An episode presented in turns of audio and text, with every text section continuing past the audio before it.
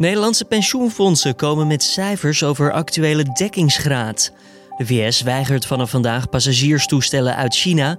En deze week zal de achterban van de vakbonden zich uitspreken over de nieuwe invulling van het pensioenakkoord. CNV heeft dit al gedaan en zij waren positief gestemd. Dit wordt het nieuws. Uh, wij zijn denk ik als CNV op dit moment de, eerste met de uitslag. Maar ik heb er wel vertrouwen in dat ook alle andere spelers, misschien best wel met ingewikkelde discussies, maar dat we wel het schip veilig in de haven weten te brengen. Je hoorde al een klein stuk van het interview wat we hadden met Piet Fortuyn, voorzitter van de CNV. Hij kan ons straks vertellen waarom hun achterban akkoord is gegaan met de invulling van het pensioenakkoord. Maar eerst kort het belangrijkste nieuws van nu. Mijn naam is Julian Dom en het is vandaag dinsdag 16 juni. Om het tekort aan woningen tegen te gaan, moeten er in 10 jaar tijd meer dan 800.000 woningen bijgebouwd worden in Nederland. Dat schrijft minister Ollongren van Binnenlandse Zaken. Momenteel is er een tekort van ruim 330.000 woningen. En dit tekort zal nog zeker vijf jaar oplopen om daarna pas voorzichtig te dalen. Het kabinet ziet graag dat er jaarlijks minstens 75.000 woningen bijkomen. En vorig jaar werd dat aantal ook ruim gehaald. Vanwege de coronacrisis en de stikstofproblematiek zakt het aantal nieuwe woningen echter dit en volgend jaar drastisch. Het overtreden van de anderhalf meter regel in de horeca kan niet nog weken zo doorgaan. Dat zegt Hubert Bruls, voorzitter van het Veiligheidsberaad. De informatiefase is volgens hem voorbij en nu zal er worden opgetreden tegen overtredingen. Zowel ondernemers als klanten kunnen dan een boete krijgen. Brazilië onderzoekt enkele invallen bij ziekenhuizen verspreid over het land. Dat meldt CNN. De Braziliaanse president Jair Bolsonaro riep het volk vorige week op om afdelingen waar coronapatiënten liggen zelf te inspecteren, daar vervolgens foto's te maken en deze beelden te delen. In onder meer Sao Paulo en Brasilia vonden op 4 en 9 juni invallen plaats bij ziekenhuizen. Bolsonaro beweerde dat lokale politici mogelijk statistiek over het aantal doden door de gevolgen van het coronavirus overdrijven, om zo meer geld te ontvangen en om zijn regering de schuld te kunnen geven van een toename in het aantal overlijdingsgevallen. Er zijn coronabesmettingen vastgesteld bij nog eens twee Nertse bedrijven in het Brabantse Gemert-Bakel en Sint-Antonis. Eerder werd al bekend dat op 13 andere locaties besmettingen waren vastgesteld. Vervolgens zijn die bedrijven geruimd. Deze maandag gebeurt datzelfde op de Brabantse locaties.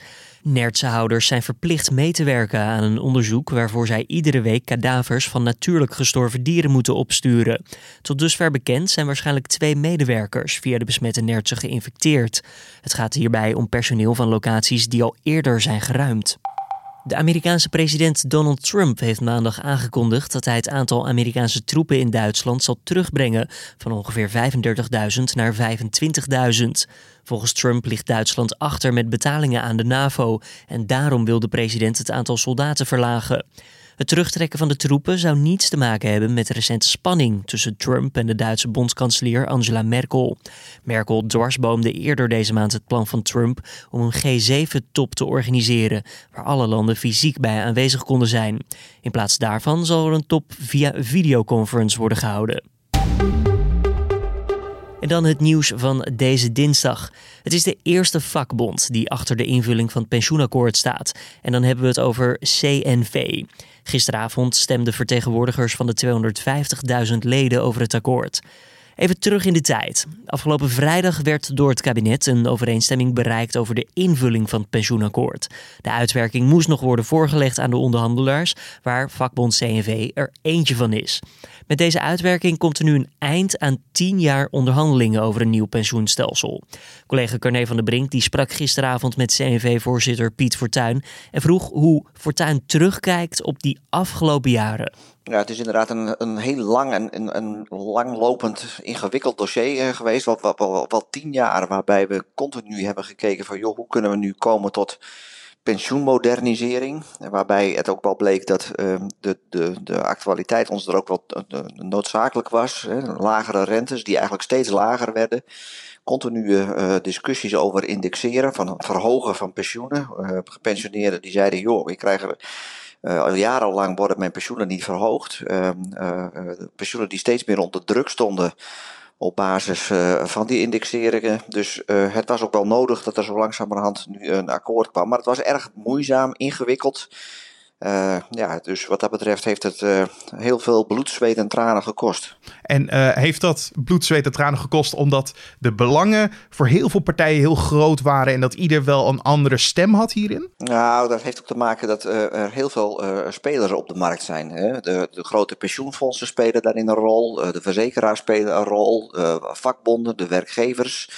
De politiek. En, en, en iedereen had wel zijn zegje. En de een wilde heel, heel erg naar eh, eh, persoonlijke potjes toe. De andere wilde naar collectieve stelsels. Weer een andere zei van joh, laten we alles aan de verzekeraars overlaten. De grote pensioenfondsen zeiden joh, laten we er vooral voor zorgen dat we onze huidige stelsel collectief goed overeind houden. Dus die afgelopen tien jaar waren er heel veel spelers die ook allemaal vanuit hun eigen invalshoek de problematiek benaderden. En ja, dan kost dat gewoon heel veel tijd.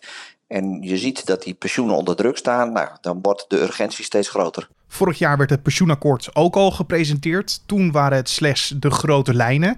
Welke stappen zijn er in een jaar tijd genomen? Nou, ik denk dat uh, het afgelopen jaar is er heel veel uitgewerkt in de techniek. Hè. De, vorig jaar is het grote pensioenakkoord afgesloten en feitelijk nu de, de uitwerking. Een belangrijke wijziging van de, de afgelopen eh, maanden is dat we met name een, uh, hebben gekeken van joh, laten we nou eens kijken naar de, de verwachtingen over de hoogte. En doordat er gekeken is naar, meer naar verwachtingen dan naar zekerheden, dan kun je ook komen tot hogere beleggingsresultaten. En daarmee kun je ook komen tot hogere uitkeringen en tot, tot, meer indexatieperspectief. Dus als het heel goed gaat, dan kun je makkelijker de pensioenen verhogen. Andere kant van de medaille, als het heel slecht gaat, dan uh, ga je ook uh, eerder verlagen. Maar de praktijk leert dat je vaker verhoogt dan verlaagt. Dus uh, dat is denk ik de afgelopen twaalf maanden de grootste wijziging geweest. Mm -hmm. En ik las op de site van CNV dat dit een historische stap voorwaarts is. Een mooie quote zag ik staan. Op welke manier zal het volgens u de geschiedenisboeken ingaan? Nou, kijk, we hebben in Nederland, we hebben altijd gezegd, het beste pensioenstelsel van de wereld. Uh, of het één na beste. En ik denk dat we hiermee in ieder geval gewaarborgd hebben dat we nog steeds uh, uh, een van de beste pensioenfondsen, pensioensystemen van de wereld hebben. Misschien wel de beste. En wat heel belangrijk is, dat we ervoor gezorgd hebben dat we een stabiel stelsel hebben met verplichte pensioensparen. Maar wat denk ik ook erg belangrijk is voor alle verschillende generaties, dat we geen gelukgeneraties hebben en verliesgeneraties. Dus er zit heel veel solidariteit in het systeem. Want kijkend naar de invulling van het pensioenakkoord, wat er, wat er dan nu ligt, wat zijn er volgens u en dan voor de achterban uh, ja, de belangrijkste punten? Ja, dat is best wel een lijstje als je dat zo uh, die vraag stelt. Want uh, wat, wat wij heel als CNV erg belangrijk vinden is dat het dat pensioen nog steeds een belangrijke arbeidsvoorwaarde is. dat wij daar als vakbonden in die belangrijke arbeidsvoorwaarden be forse betrokkenheid hebben. Dat het verplichte regelingen zijn. Je kunt niet als werknemer zeggen, joh, la, laat mij maar even niet meedoen. Daarmee zorg je dus ook dat het collectieve regelingen zijn. En collectiviteit zorgt vaak voor uh, betere dekking. Wat belangrijk is voor ons als CNV is dat er meer uitzicht is gekomen op, op, op verhogen, op indexering. Um, nou, wij vinden het heel belangrijk dat voor 2021 afgesproken is dat uh, als de dekkingsgraad uh, boven de 90, dat er dan niet gekort wordt op uh, pensioen voor, voor in 2021, is denk ik erg belangrijk voor mensen die op dit moment gepensioneerd zijn. Um, ja, afspraken rondom zware werk, zware beroepen. Fors, fors geld bijgekomen afgelopen vrijdag. Nou, is eigenlijk best een lijstje waarvan we zeggen dat is een, een, forse verbetering ten opzichte van wat er lag. Dan moet u het voor gaan leggen aan uw achterban.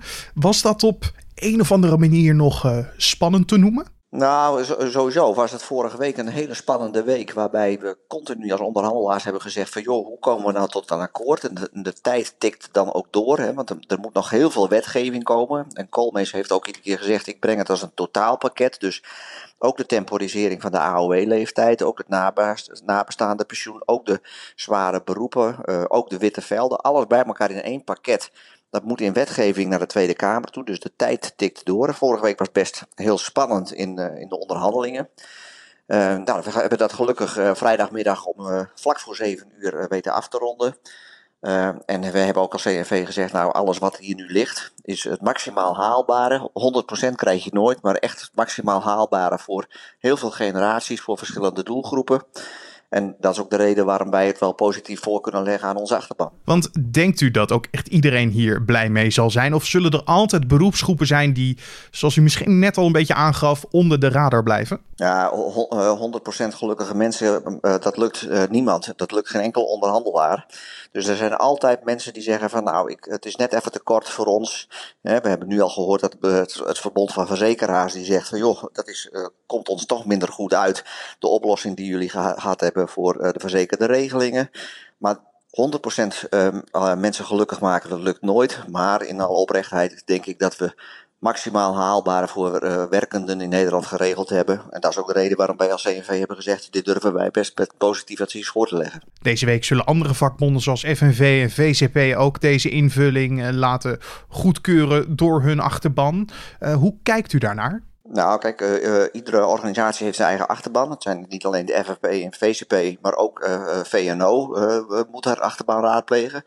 Ook minister Koolmees heeft een achterban, dat heet de Tweede Kamer. Ook die moet hij nog raadplegen. Dus alle uh, belanghebbende vakbonden, daar hebben er drie van. De werkgevers, LTO, MKB Nederland, VNO, hebben een achterban. En ook de politiek heeft zijn achterban met een heleboel Kamerleden. dat gaan we deze week allemaal doen. Wij zijn denk ik als CNV op dit moment de, de eerste met de uitslag. Maar ik heb er wel vertrouwen in dat ook alle andere spelers uh, uh, misschien best wel met uh, ingewikkelde discussies, maar dat we wel het schip veilig in de haven weten te brengen. En we zitten nu ook in een complexe tijd vanwege de coronacrisis natuurlijk. Een recessie lijkt onvermijdelijk. bent u bang dat dit ook gevolgen zal hebben voor dit akkoord? Nou, ik ben van nature niet zo snel bang. Um, we hebben er tien jaar over gedaan. Er is heel zorgvuldig onderhandeld. Er is echt op, op de millimeter alles uitgewerkt. en zeker hebben, hebben we nooit, maar ehm, er is wel gekeken naar crisisbestendigheid. Ja, en uh, uh, beter dan dit zie ik het niet snel worden. Want het, het staat niet zo zwart op wit dat, er, uh, dat het niet uitgegumpt kan worden, zo gezegd. Nou, alle regelingen zijn altijd mensenwerk. En op het moment dat mensen stekkers eruit trekken en zeggen: joh, dit kan allemaal niet, dan, dan stopt het hele proces. Maar er zit zoveel commitment van werkgevers, vakbonden, politiek dat uh, uh, naar een houdbaar pensioenstelsel. Ik uh, denk dat we dit echt veilig in de haven moeten brengen en dat we hier de komende jaren in ieder geval aan moeten werken in de uitwerking. Maar zo te horen vanuit dit gesprek, heeft u heel veel vertrouwen in de invulling van het pensioenakkoord en dus ook het pensioenstelsel aan zich? Ik uh, heb heel veel vertrouwen in ons huidige stelsel, maar ik zie ook dat dat steeds meer onder druk komt te staan. Hè. Het is niet voor niets dat er al heel lang niet geïndexeerd gaat worden. We zien hele historisch lage rentes. We zien dat uh, de, de, de, de, de doorsneesystematiek jongeren voor ouderen betalen. Uh, we zien dat mensen steeds meer van een ZZP'er worden, flexmedewerkers. Dus de wereld is ook veranderd en dat vraagt ook om een, om een ander stelsel. En dat is denk ik ook de reden waarom dit stelsel meer to toekomstgericht is. Uh, dus we hadden een goed stelsel nu een meer toekomstgericht stelsel, maar op, opnieuw zal dat een heel degelijk stelsel zijn. En dan even voor de mensen die hun agenda er alvast bij willen pakken. Uh, wanneer is de dag waarop u de champagne zal ontpoppen omdat alles in werking gaat treden? Nou, je moet altijd heel veel drink, uh, voorzichtig zijn met flesje champagne ontkurken. we doen dat in stapjes. Deze week belangrijke besluitvorming voor, voor alle partijen die dit akkoord hebben gesloten. Dan hebben we nog een kamerbehandeling. Dat is weer een belangrijk moment. En dan de invoering. En net wat ik zei, dan hebben we het over 2024, 25 en 26. Een beetje afhankelijk van de snelheid van de verschillende fondsen. Dus zodat mensen voor het eerst ook op hun, hun overzicht van pensioenen zien: hé, hey, er is iets gaande in mijn pensioen. Ik had dit en ik heb dat. En hoe is dat nou geregeld? Laten we zeggen, we zetten hem in ieder geval koud. Laten we dat zeker doen. Dat was Piet Fortuyn, voorzitter van CNV in gesprek met collega Carne van den Brink. Deze week zullen dus ook andere vakbonden en hun achterban zich uitspreken over de invulling van dit pensioenakkoord. En daarover uiteraard dan meer op nu.nl. Dan kijken we ook nog eventjes naar de nieuwsagenda voor deze dinsdag. De Nederlandse pensioenfondsen komen namelijk vandaag met cijfers over de actuele dekkingsgraad. Voor de fondsen was het eerste kwartaal van 2020 rampzalig te noemen. Door de coronacrisis daalden onder meer de aandelenbeurzen wereldwijd, met als gevolg dat de dekkingsgraden van pensioenfondsen in de gevarenzone belanden. En passagiersvliegtuigen uit China zijn vanaf vandaag niet langer welkom in de Verenigde Staten. In de afgelopen maanden liepen de spanningen tussen Peking en Washington door de coronacrisis weer verder op. Aanleiding voor de beslissing is het feit dat passagiersvliegtuigen uit de VS al een tijd lang niet worden toegelaten tot China. Het Amerikaanse ministerie van Transport stelt dat dit indruist tegen een akkoord dat de twee landen hebben gesloten. En het weer voor vandaag. Vooral in het zuiden veel zon. In het noorden en oosten kans op regen. Maar later op de dag neemt die buigheid wel verder toe. En dan ook in het zuiden. En dat gaat lokaal gepaard met een klap onweer. Het wordt maximaal zo'n 23 graden. Om af te sluiten, ja, de UEFA is van plan om het Champions League seizoen in augustus af te ronden. Nou, hoe moet dat eruit zien? Nou, met een toernooi van ongeveer 12 dagen in Lissabon. Zo melden althans verschillende buitenlandse media. Het plan wordt woensdag besproken tijdens de vergadering van het uitvoerend comité van de UEFA. Dat normaal gesproken gewoon groen licht zou geven. Vooraf aan die afrondingsperiode moeten er nog vier returns worden afgewerkt in de achtste finales.